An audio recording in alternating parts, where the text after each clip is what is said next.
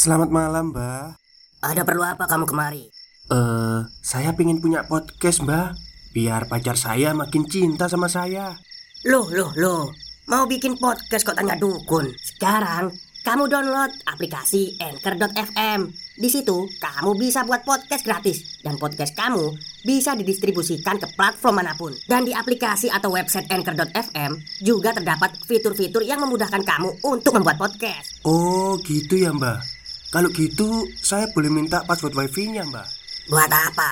Buat download Anchor.fm, Mbak.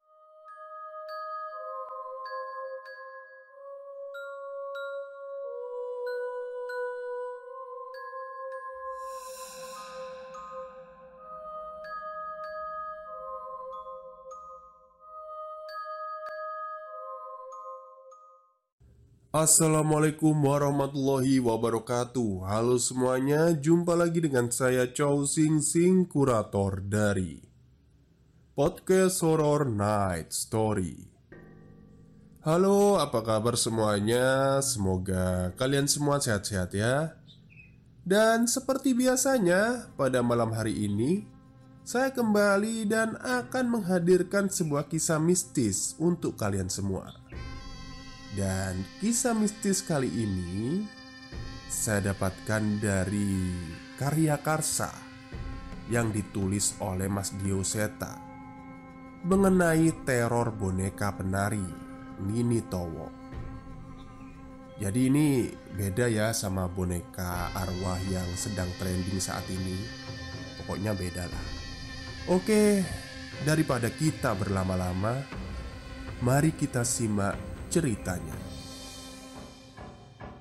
Sebuah boneka yang terbuat dari siwur atau batok kelapa, mirip jelangkung namun berukuran lebih besar. Berpakaian seperti orang perempuan dan berfungsi sebagai media pemanggil arwah. Nini Towo. Di tengah malam, seorang anak perempuan yang masih belia berjalan ke tengah lapangan dengan membawa sebuah boneka kayu buatan dengan batok kelapa yang dicat berwarna putih, bergambarkan wajah bersama pakaian dan selendang seperti penari. Yati, kami minta tolong ya. Sudah setengah tahun desa ini kekeringan. Kalau kali ini tidak ada hujan, warga akan semakin kesusahan. Ucap seorang kepala desa yang disampingi dengan kedua orang tua Yati. Sebisanya saja ya, jangan dipaksakan. Ucap seorang pria yang merupakan ayah Yati. Di tengah lapangan sudah diletakkan beberapa keperluan ritual, seperti kemenyan, kembang, dupa, dan beberapa benda yang sulit dikenali. Alat musik dan dekorasi pementasan juga disiapkan di sana. Hingga saat Yati siap, ia membakar dupa dan membawanya mengelilingi boneka yang ia bawa. Sebuah mantra pemanggil diucapkan layaknya membentuk alunan nada yang mengajak untuk menari.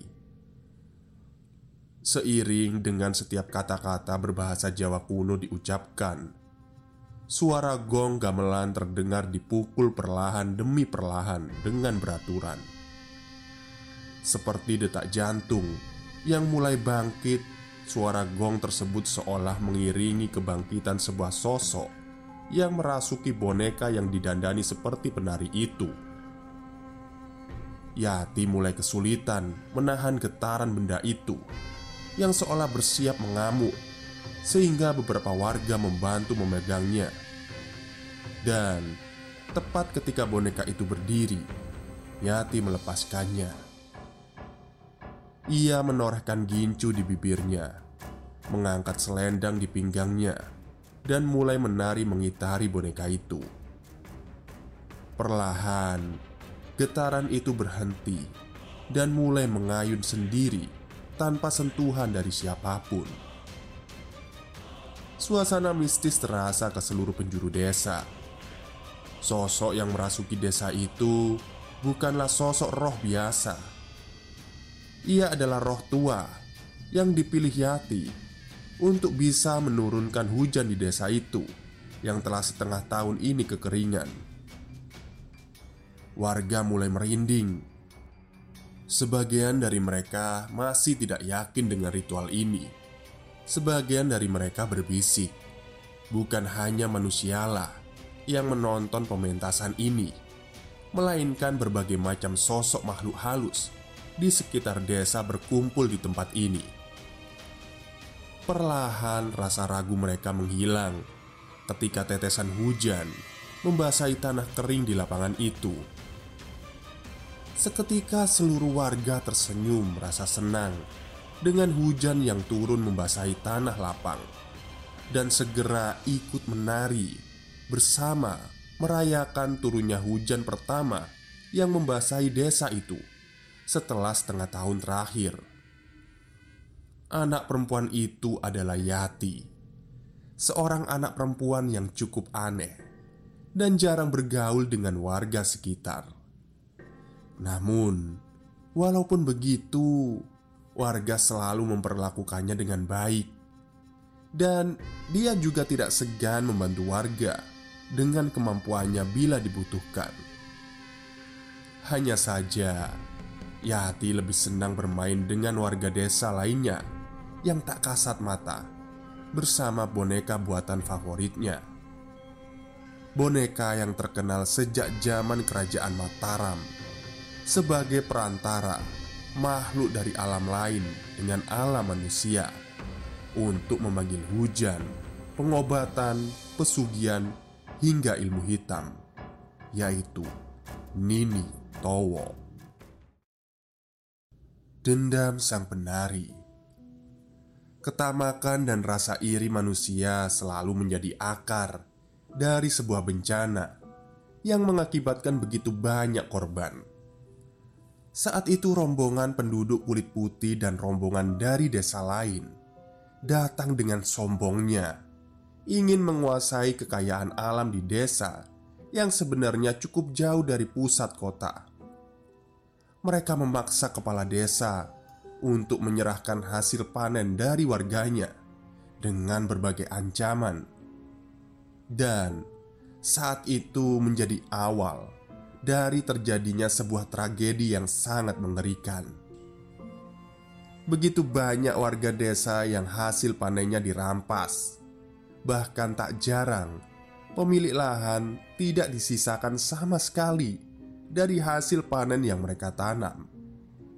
Kepala desa mencoba mencari tahu ke wilayah lain, dan ternyata desa sekitar masih dilanda kekeringan sehingga orang-orang itu terus memaksa warga desa Yati untuk menyerahkan hasil panennya. Dengan kemampuan Yati, seluruh bangsawan pendatang yang berniat jahat pergi dengan sendirinya dari desa itu. Setelah terkena wabah gatal yang hanya menyerang warga pendatang, tak lama mereka tahu itu adalah ulah Yati dan boneka Nini Towoknya yang merapalkan kutukan untuk mengusir mereka. Tak menyerah, para penjajah bersama pengkhianat-pengkhianat negeri ini datang untuk menindas lagi warga desa Yati. Kali ini mereka datang dengan berbagai dukun ilmu hitam untuk membalas dendam. Dengan sekuat tenaga, warga melindungi Yati dan keluarganya hingga mengungsikannya ke sebuah bangunan kayu di tengah hutan. "Pergi kalian, ambil semua yang kalian inginkan, dan tinggalkan desa ini," ucap Pak Kades. Seorang bangsawan menghampiri Pak Kades, mengangkat bajunya, dan memandang wajah kepala desa itu dengan bengis. "Kami akan tetap mengambil semuanya tanpa kalian suruh," ucapnya dengan senyum merasa jijik dengan perlakuan orang sebangsanya itu. Pak Kades pun melampiaskan emosinya dengan meludahi orang itu. Sudah jelas, itu membuat orang itu kesal dan memutuskan untuk mengangkat kepala Pak Kades dan memenggalnya di depan warga desa. Seketika seluruh warga desa melakukan perlawanan yang hampir membuat mereka kewalahan. Tak terima dengan perlawanan warga desa yang kian memuncak Akhirnya mereka terbakar emosi dan memutuskan untuk membantai semua warga desa hingga mengejar Yati dan keluarganya. Satu persatu orang kulit putih berseragam menyisir rumah demi rumah dan menarik mereka keluar untuk dihabisi, baik dengan senapan maupun benda tajam. Mereka sudah tidak peduli lagi dengan sumber daya desa. Masih banyak desa yang bisa mereka jajah. Hingga akhirnya pemandangan mengerikan terlihat di depan mata Yati yang bersembunyi di rumah kayu di tengah hutan itu. Warga yang melindunginya dan orang tuanya mati dibantai di depan matanya. Dengan penuh dendam, Yati memanggil roh-roh di sekitarnya untuk merasuki boneka Nini Towok yang menemaninya untuk membalas semua perbuatan orang-orang yang membantai seluruh desa dan keluarganya. Aku nyeluk kue kabeh sing neng alam lain. Pateni kabeh wong sing numpahke getih neng lemah iki. Aku memanggil kalian semua yang ada di alam lain. Bunuh semua orang yang menumpahkan darah di tanah ini. Seketika, boneka Nini Towo itu bergerak dan mengamuk namun, tak lama setelahnya, boneka itu jatuh tak bergerak. Samar-samar Yati mendengar suara dari salah satu seorang roh yang dia kenal. Roh itu memberitahu bahwa semua roh yang selama ini membantunya telah dibelenggu oleh dukun-dukun bayaran itu. Saat ini, tak ada lagi yang bisa menolongnya dari pembantaian itu Boneka ini akan membalaskan dendamku atas kematian bapak, ibu, dan warga desa. Ucap Yati dengan penuh amarah dan air mata yang tidak berhenti menetes dari pipinya. Bila tidak ada lagi dari kalian yang bisa merasuki boneka ini, maka hanya satu yang bisa.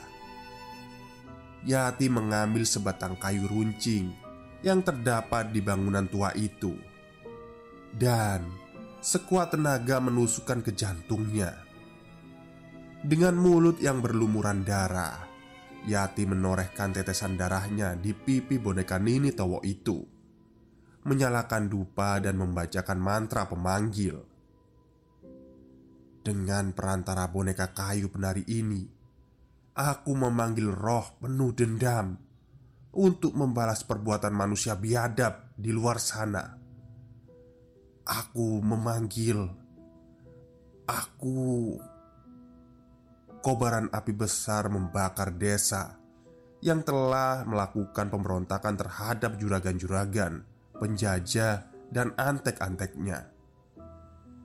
Mereka mengejar hingga ke rumah kayu di tengah hutan Dan menemukan jasad anak perempuan Dengan kayu runcing menusuk jantungnya bersama.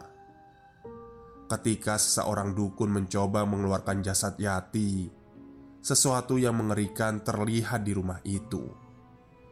Sesosok boneka Nini Towo terlihat melayang di atas langit-langit rumah itu dan jatuh menusuk tubuh dukun itu dengan kayu runcing tepat di punggungnya beberapa kali tanpa ampun. Dukun itu meronta dan tidak dapat menyelamatkan diri Ketika ada orang lain mencoba masuk untuk menyelamatkan dukun itu, seketika tubuh orang itu menghitam seperti membusuk. Tepat sebelum boneka terkutuk itu keluar dari bangunan, orang-orang sakti suruhan dari manusia-manusia biadab itu membacakan berbagai mantra untuk melemahkan boneka Nini Towo itu dan menyegel rumah kayu itu dengan ilmunya sehingga boneka itu terkurung tak bisa keluar. Stop, stop. Kita break sebentar. Jadi gimana? Kalian pengen punya podcast seperti saya? Jangan pakai dukun, pakai Anchor. Download sekarang juga. Gratis. Cerita mengenai pembantaian Yati dan warga desa hilang begitu saja. Seiring dengan begitu banyaknya pembantaian, yang dilakukan penjajah dan bangsawan tamak di zaman itu. Mereka melupakan keberadaan sosok roh yati yang mendiami boneka Nini Towo dan terkurung di rumah kayu di tengah hutan itu. Boneka itu terus menumpuk kebencian dan dendam pada semua orang yang membiarkan warga desa dan orang tuanya mati, hingga dan tidak ada yang tahu kengerian apa yang akan terjadi ketika boneka itu terlepas dari kurungannya.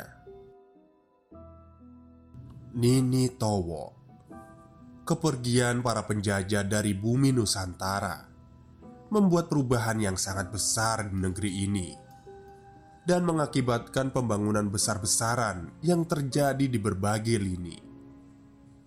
Beruntung aku hidup di zaman ini, di zaman begitu banyaknya kebutuhan untuk sumber daya pembangunan, seperti yang diusahakan oleh tempatku bekerja saat ini, yaitu industri kayu. Sebuah perusahaan yang cukup besar menerima izin untuk mengelola sumber daya hutan dan melakukan penebangan untuk memenuhi kebutuhan pasar lokal tentunya dengan tanggung jawab untuk penanaman kembali seperti yang sudah diamanahkan oleh pimpinan-pimpinan baru negeri ini. Indra, itu namaku. Ini bulan kelima aku bekerja di perusahaan ini setelah memutuskan merantau dari kampung halamanku di Jawa Timur. Ya, sayur lodeh lagi. Ucap seseorang yang berdiri di sampingku sambil mengantri makan siang yang disediakan oleh perusahaan kami. Itu Fahmi, teman satu bagianku yang sudah lebih lama beberapa bulan lebih dulu di tempat ini. Kami cukup akrab karena kami tinggal di daerah yang berdekatan. Lah, kenapa? Kan enak Dulu di kampungku nggak jauh-jauh dari telur, nasi jagung, ketemu tempe aja udah seneng Ucapku Ya kalau perbandingannya begitu bener juga sih. Tapi namanya bosen kan wajar Ndra. Kantin karyawan kami hanya bangunan non permanen Yang didirikan menggunakan papan-papan triplek. Untungnya jumlah meja dan kursi tersedia cukup banyak Walau sampai keluar-luar. Endra Katanya minggu depan kita mulai ngegarap hutan sebelah barat ya. Bener gak sih? Tanya teman Indra sambil mengunyah sayur lodehnya dengan lahap. Bertentangan sekali dengan ucapannya tadi. Hutan barat yang ada bangunan tuanya itu ya? Kalau beneran sih nekat namanya. Balasku. Hutan sisi barat sebenarnya hanya hutan biasa Sama seperti hutan yang lain yang kami garap Namun saat pekerja sebelumnya mencoba untuk memasuki hutan itu Tiba-tiba segerombolan orang berbaju hitam Melarang pekerja untuk masuk Anehnya, gerombolan orang-orang itu segera menghilang tanpa jejak, tepat setelah memperingati pekerja yang hendak masuk ke hutan itu.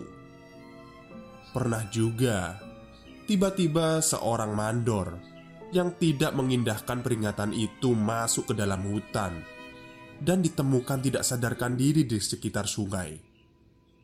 Saat tersadar, ia berteriak-teriak seperti orang gila. Ampun nek, ampun, hentikan nek.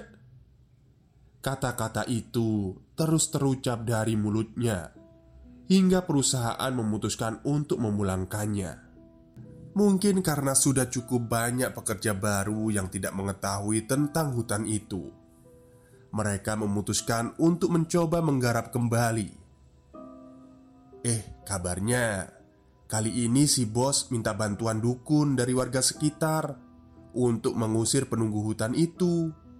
Cerita Fahmi. Dukun. Beneran udah gila tuh si bos. Kalau kenapa-kenapa, yang jadi korban kita yang di lapangan, bukan dia. Balasku. Ya, kita positif thinking aja dulu. Siapa tahu beneran berhasil. Aku menghela nafas dan melanjutkan makanku. Semoga saja bukan kita yang ditugaskan di sana ya. aku dan Fahmi tinggal di mes yang disediakan perusahaan sebuah mes yang cukup besar dan diisi hampir lebih 20 karyawan. Seperti biasa, jumlah kamar mandi yang hanya ada tiga bilik membuat kami selalu mengantri setiap akan berangkat kerja ataupun sepulang kerja. Kami sudah terbiasa dengan ini. Malahan di saat-saat beginilah kami lebih sering ngobrol Malam ini jangan ada yang keluar mes ya Dan tutup semua pintu dan jendela Jangan dibuka apa pun yang terjadi Ucap Tito Staf senior yang sekaligus menjadi koordinator di mes ini. Mendengar ucapan itu Suara berbisik muncul di antara semua buruh Yang sedang mengantri untuk mandi. Jadi bener ya Malam ini Dukun suruhan bos akan masuk ke hutan itu. Aduh, bener-bener nekat sih bos Pokoknya kalau sampai aku yang kebagian di hutan itu Aku mending resign. Sama Ternyata sebelum hutan ini digarap sama perusahaan ini Sudah banyak korban jiwa di hutan barat itu. Aku sih masih sayang nyawa. Entah semengerikan apa Kejadian-kejadian yang ada di sana. Sepertinya yang aku tahu hanya sedikit dari hal besar yang tersembunyi di sana. Terdengar suara musik mengalun dengan lembut, bersamaan dengan suara seorang pria yang meneriakkan kata-kata penyemangat untuk menari. Ini tengah hutan. Tidur nyenyakku terganggu dengan suara-suara musik yang entah tidak dapat dijelaskan dari mana asalnya. Apalagi mes ini cukup jauh dari pemukiman warga. Aku mencoba menutup mata untuk melanjutkan tidurku, tetapi suara alunan musik itu mendayu-dayu dengan lembut dan perlahan, semakin keras. Sayu-sayu aku melihat bayangan seseorang yang menari di balik tirai jendela kamarku. Bukan, bukan tarian Orang itu hanya bergoyang secara simetris ke kiri dan ke kanan, seperti mengikuti arah angin. Namun, entah mengapa gerakannya seperti mengikuti alunan suara musik itu. Penasaran dengan bayangan itu, aku memutuskan untuk menghampiri ke jendela tepat saat bayangan itu mendekat.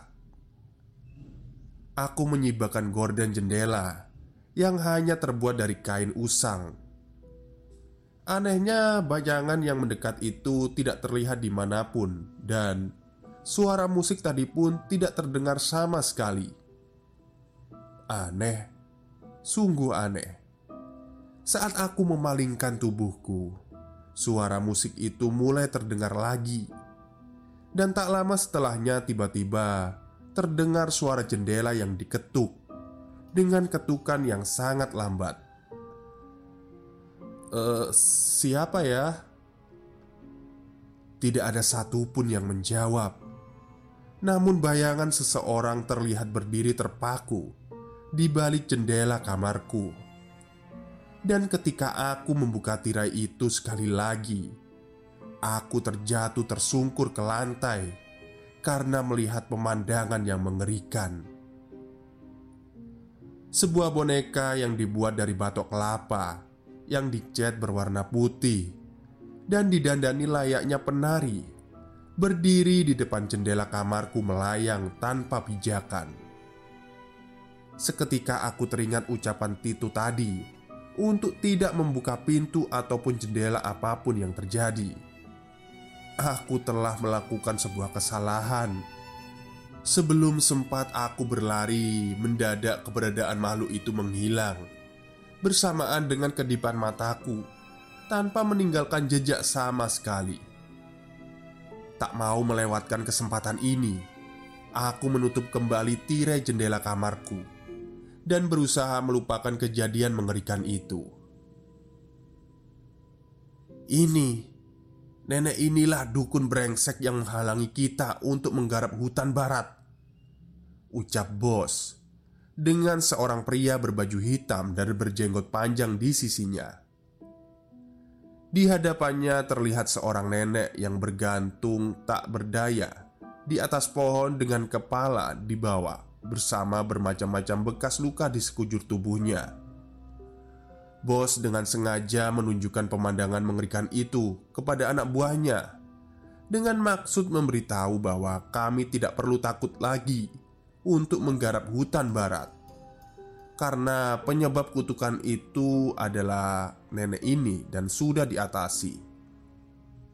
Sudah, kalian sudah tidak perlu khawatir lagi dengan hutan itu. Mulai besok, kita mulai kerjakan sektor barat. Bos dengan tegas memberikan perintah kepada kami dan memerintahkan kami untuk bubar meninggalkan nenek dukun itu yang terbaring lemah Tepat ketika semua buruh sudah pergi, aku masih terpaku dengan tubuh lemah nenek itu dan tidak tega dengan apa yang terjadi dengannya. Setelah keadaan mulai aman, aku mengambil perlengkapan P3K, menurunkan nenek itu dan mengobati luka-lukanya. Dengan perlahan, aku menutup semua luka di kulitnya menggunakan perban dan membalurkan minyak gosok di bagian yang memar. Nek, apa benar yang dikatakan bos kalau nenek ini seorang dukun? Dengan lemahnya, nenek itu mengangguk tanpa menyangkal. Mandor sebelumnya ditemukan tak sadarkan diri, itu juga ulahnya nenek. Reaksi yang sama ditunjukkan olehnya dengan wajah meringis kesakitan. Namun, aku merasa penasaran tentang apa alasannya melakukan itu. "Kenapa, Nek?" tanyaku. "Bangunan tua itu, cu, terkutuk," ucapnya dengan lemas. "Pergi dari tempat ini secepatnya sebelum semuanya terlambat."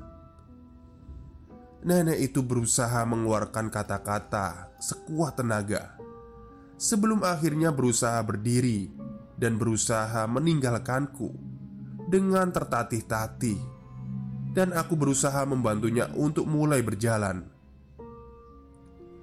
Aku tidak bisa berbuat apa-apa lagi. Akan ada banjir darah yang tertumpah di mana-mana. Maksud nenek apa? Pergilah bocah. Nyawamu tidak sebanding dengan apa pun yang kamu dapatkan di tempat ini. Nenek itu kembali berjalan tertatih meninggalkanku. Entah apa yang kulakukan ini benar atau salah. Tapi kalau sampai nenek itu kembali Dan membalas dendam Tentu aku akan merasa sangat bersalah Hei Fami, gimana? Petugas yang dipekerjakan di sektor barat jadi pada resign? Tanyaku pada Fahmi yang lebih dulu sampai di kantin Mana? Gak ada Malahan mereka jadi percaya diri dengan adanya dukun itu Dan lebih lagi Gaji mereka dinaikkan Mana ada yang mau resign Jelas Fahmi Aku menghela nafas sambil menyeruput teh hangatku. Aku ada perasaan gak enak nih Mi. Fahmi menoleh ke arahku Dan menatapku seolah ingin menyampaikan sesuatu. Dra, kalau ada satu saja kejadian aneh Setelah dibukanya sektor hutan barat Mungkin aku bakal resign Ucapnya tiba-tiba. Seketika aku merasa heran tidak mungkin Fahmi mengatakan hal itu dengan tiba-tiba. Pasti sesuatu terjadi padanya baru-baru ini. Emang kenapa, Mi? Kok tiba-tiba? Tanyaku. Halah, aku ceritain juga nggak ada yang bakal percaya. Jawabnya yang segera meletakkan piringnya di tempat piring kotor dan meninggalkanku. Apa mungkin Fahmi juga melihat hal yang aneh semalam. Saat sampai di mes terdengar beberapa cerita aneh Dari buruh yang ditugaskan untuk mengukur wilayah kerja di sektor barat Mulai dari buruh yang tiba-tiba pingsan Hingga suara pintu yang digedor dari dalam bangunan tua Yang seharusnya tidak dihuni oleh siapa pun itu Pasalnya bangunan tua itu disegel dengan kayu yang terpaku dari seluruh pintu dan jendelanya Fahmi yang mendengar cerita itu terlihat gelisah dan segera kembali ke kamarnya. Dengan segera aku mengejarnya dan mengikutinya. "Fahmi, serius kamu mau pergi?" Ucapku saat dia mengambil tas besarnya dan mengemas barang-barangnya. "Iya," balasnya singkat. "Sebaiknya kamu juga ikut." Aku menghela nafas panjang dan memperhatikan kecemasannya. "Oke, aku ikut," jawabku singkat. Fahmi kaget dengan jawabanku. Dia tidak menyangka aku akan menuruti kemauannya dengan begitu cepat. Tapi setidaknya besok kita pamit baik-baik dulu ke bos dan mandor. Ia menatapku sejenak. Oke deh, kalau cuma itu aku setuju Balasnya Sulit untuk menyampaikan apa yang ada di benak kami berdua Namun satu yang aku mulai tahu Fahmi juga sempat melihat hal aneh Seperti yang kulihat saat malam hari Sewaktu dukun suruhan bos menangkap nenek itu Pagi pun datang Aku dan Fahmi bersiap berangkat lebih pagi dengan mempersiapkan semua barang-barang kami.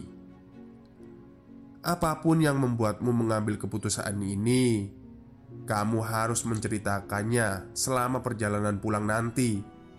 Ucapku pada Fahmi, dan dia pun mengangguk setuju. Belum ada siapa pun yang datang ke tempat briefing. Peralatan-peralatan berat masih terparkir dengan rapi bersama dengan gudang peralatan yang terkunci. Namun, samar-samar aku melihat sesuatu yang aneh di lapangan tempat biasa kami melakukan briefing.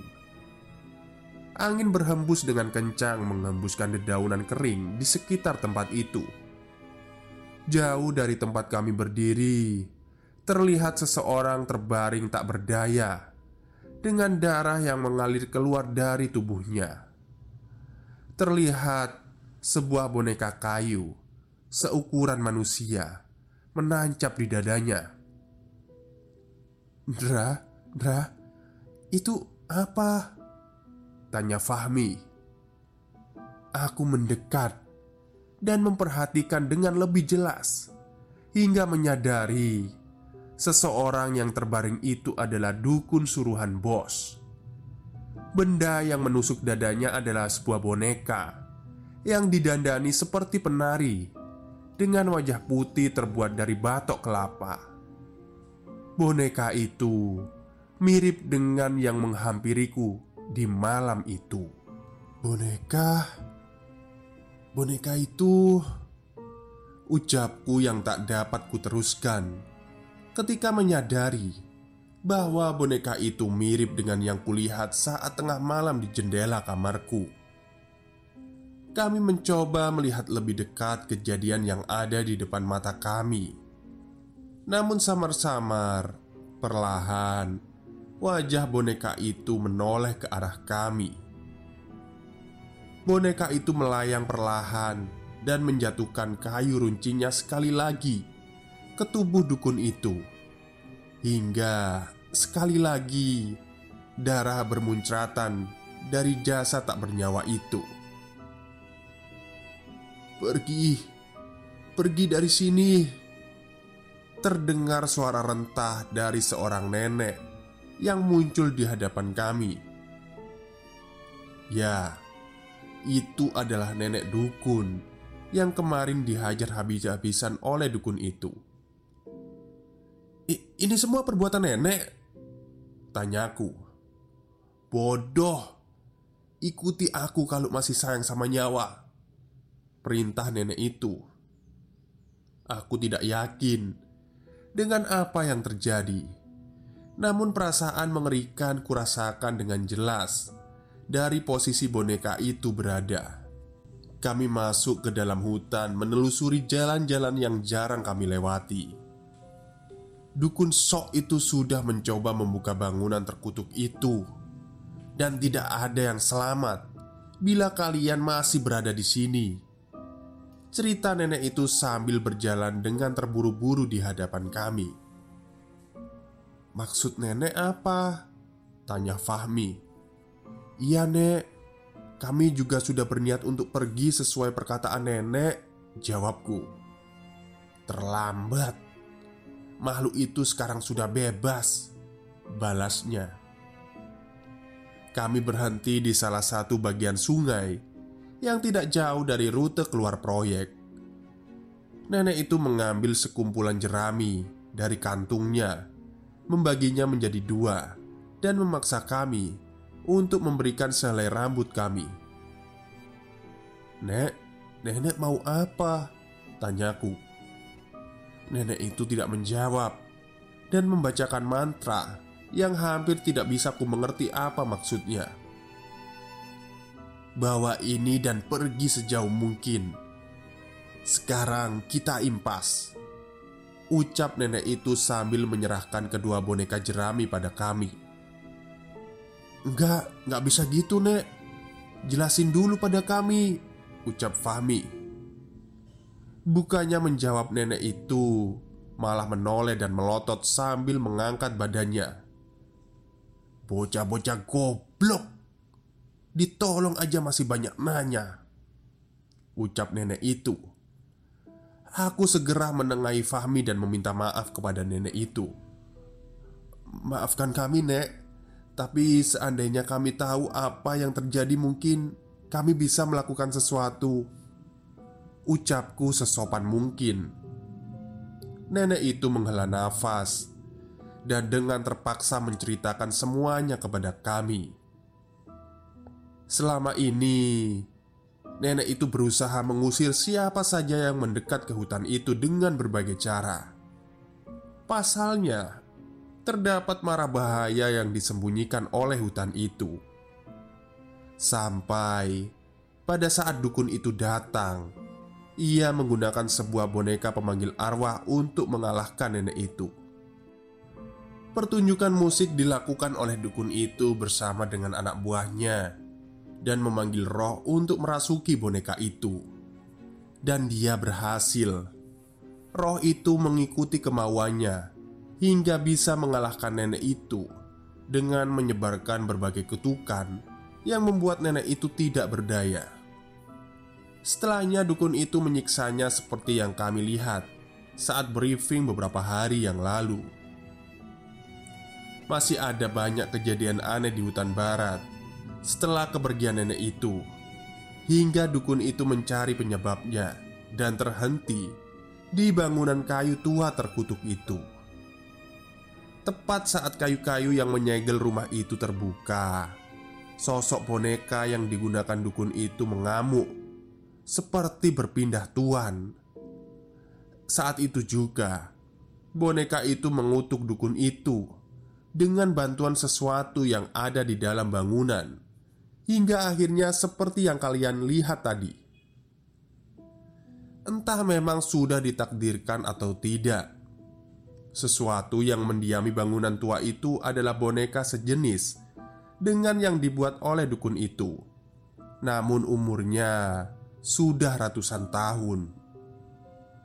Roh yang berada di boneka itu sudah menyimpan dendamnya sangat lama dan bersiap untuk melampiaskannya kepada siapa pun yang ada di dekatnya.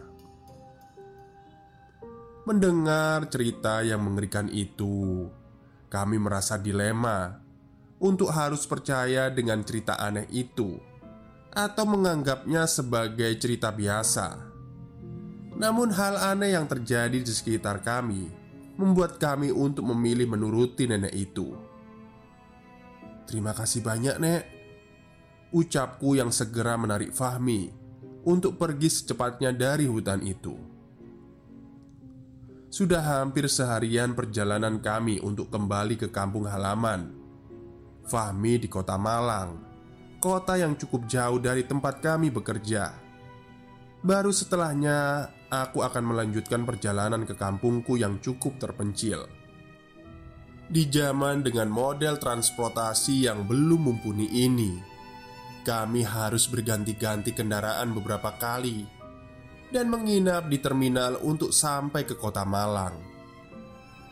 Aku masih harus cerita tentang apa yang membuatku memaksa untuk berhenti. Tanya Fahmi tiba-tiba. Aku menggeleng. Malam itu, saat Tito melarang kita untuk membuka pintu, saat itu kamu melihat boneka itu juga, kan? Tanyaku. Fahmi mengangguk. Sepertinya kami juga sudah terlalu lelah selama perjalanan dan memutuskan untuk menginap di terminal sebelum kembali ke rumah kami masing-masing. Berita mengerikan terjadi di sebuah hutan perbatasan daerah Jawa Tengah. Ditemukan puluhan pekerja mati mengenaskan dengan tubuh yang menghitam secara misterius tidak ditemukan bekas luka sayatan atau pukulan benda tumpul dari tubuh semua korban. Semua korban adalah buruh dan karyawan dari perusahaan yang memang mendapat izin untuk mengelola sumber daya hutan di perbatasan itu. Hingga kini, belum ditemukan apa penyebab kematian semua pekerja. Dugaan sementara, para pekerja mati karena racun dari hewan berbisa yang membuat tubuhnya menjadi menghitam. Perkembangan berita selanjutnya akan kami informasikan siang ini di radio kesayangan Anda. Berita dari radio yang berada di warung itu membangunkan kami yang tengah tertidur di pinggir terminal. Perasaan berkecamuk merusak pagi yang harusnya menjadi semangat kami saat itu. Dra, boneka jerami. Ucap Fahmi dengan tubuhnya yang masih terlihat bergetar merinding Sama seperti yang kurasakan. Dengan segera kami mengecek boneka jerami pemberian nenek itu Yang kami simpan di tas.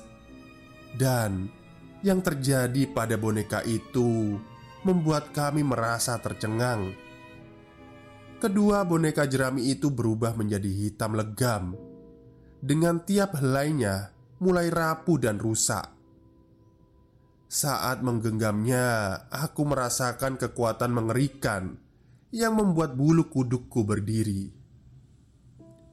Kami tidak dapat berkata apa-apa saat itu. Mungkin saat ini hanya kami yang tahu penyebab kematian seluruh pekerja di hutan itu, yang sama sekali tidak masuk akal. Tak hanya itu, mungkin hanya kami saja yang tahu bahayanya sosok makhluk yang menyebabkan kematian massal di sana, dan masih banyak korban yang akan bergelimpangan dengan keberadaan boneka penari berumur ratusan tahun itu. Tamat catatan penulis. Kisah mengenai boneka Nini Towo sudah banyak beredar di berbagai wilayah di Pulau Jawa. Sebagian besar menceritakan bahwa boneka Nini Towo ini adalah jailangkung perempuan yang berfungsi sebagai perantara manusia dengan roh. Sebagian lagi bahkan menceritakan bahwa boneka Nini Towo ini merupakan kesenian daerah untuk menarik wisatawan dengan menampilkan tarian mistis dari boneka yang diisi dengan roh. Namun, tujuan dari cerita ini adalah mengingatkan kita tentang bahayanya keberadaan sosok mereka yang berada di alam lain yang tidak bisa kita kendalikan. Kisah ini merupakan kisah turun-temurun yang terjadi jauh cukup lama sebelum era modernisasi, di mana budaya Jawa masih kental dengan klinik dan dunia mistis, dan keberadaan boneka yang menghuni bangunan itu masih belum diketemukan hingga sekarang. Ada yang berpendapat bahwa ada orang sakti yang berhasil menenangkan rohnya dan menghancurkan boneka itu. Namun, ada pula yang berpendapat boneka itu berada di suatu tempat dan masih mencari mangsa untuk melampiaskan dendamnya. Yang pasti, mohon sikapi kisah ini dengan bijak. Silahkan diambil positifnya dan dibuang negatifnya. Mohon maaf apabila ada salah kata atau bagian cerita yang menyinggung. Terima kasih. Baik, itulah akhir dari sebuah cerita yang ditulis oleh Mas Dio Seta yang diterbitkan di Karya Karsa. Jadi, kalau ingin baca karya-karyanya Mas Dio Seta atau cerita-ceritanya Mas Dio Seta, selain di Twitter itu ada yang di Karya Karsa. Jadi, silakan kunjungi ke sana ya. Ada linknya kok nanti. Jadi kayak apa ya? mak- Maksudnya itu Nini Towo itu saya kira itu kayak penari gitu ya Penari ya orang Ternyata Nini Towo itu kalau di cerita ini itu itu sebuah boneka yang dirasuki roh gitu. Ya hampir sama ya kayak trending yang sekarang ini boneka arwah itu ya. Tapi kayaknya beda sih. Oke, mungkin itu saja yang bisa saya sampaikan. Terima kasih Mas Dio sudah mengizinkan ceritanya untuk saya ceritakan kembali di YouTube. Dan mohon maaf bila ada kesalahan dalam saya bercerita. Selamat malam dan selamat beristirahat.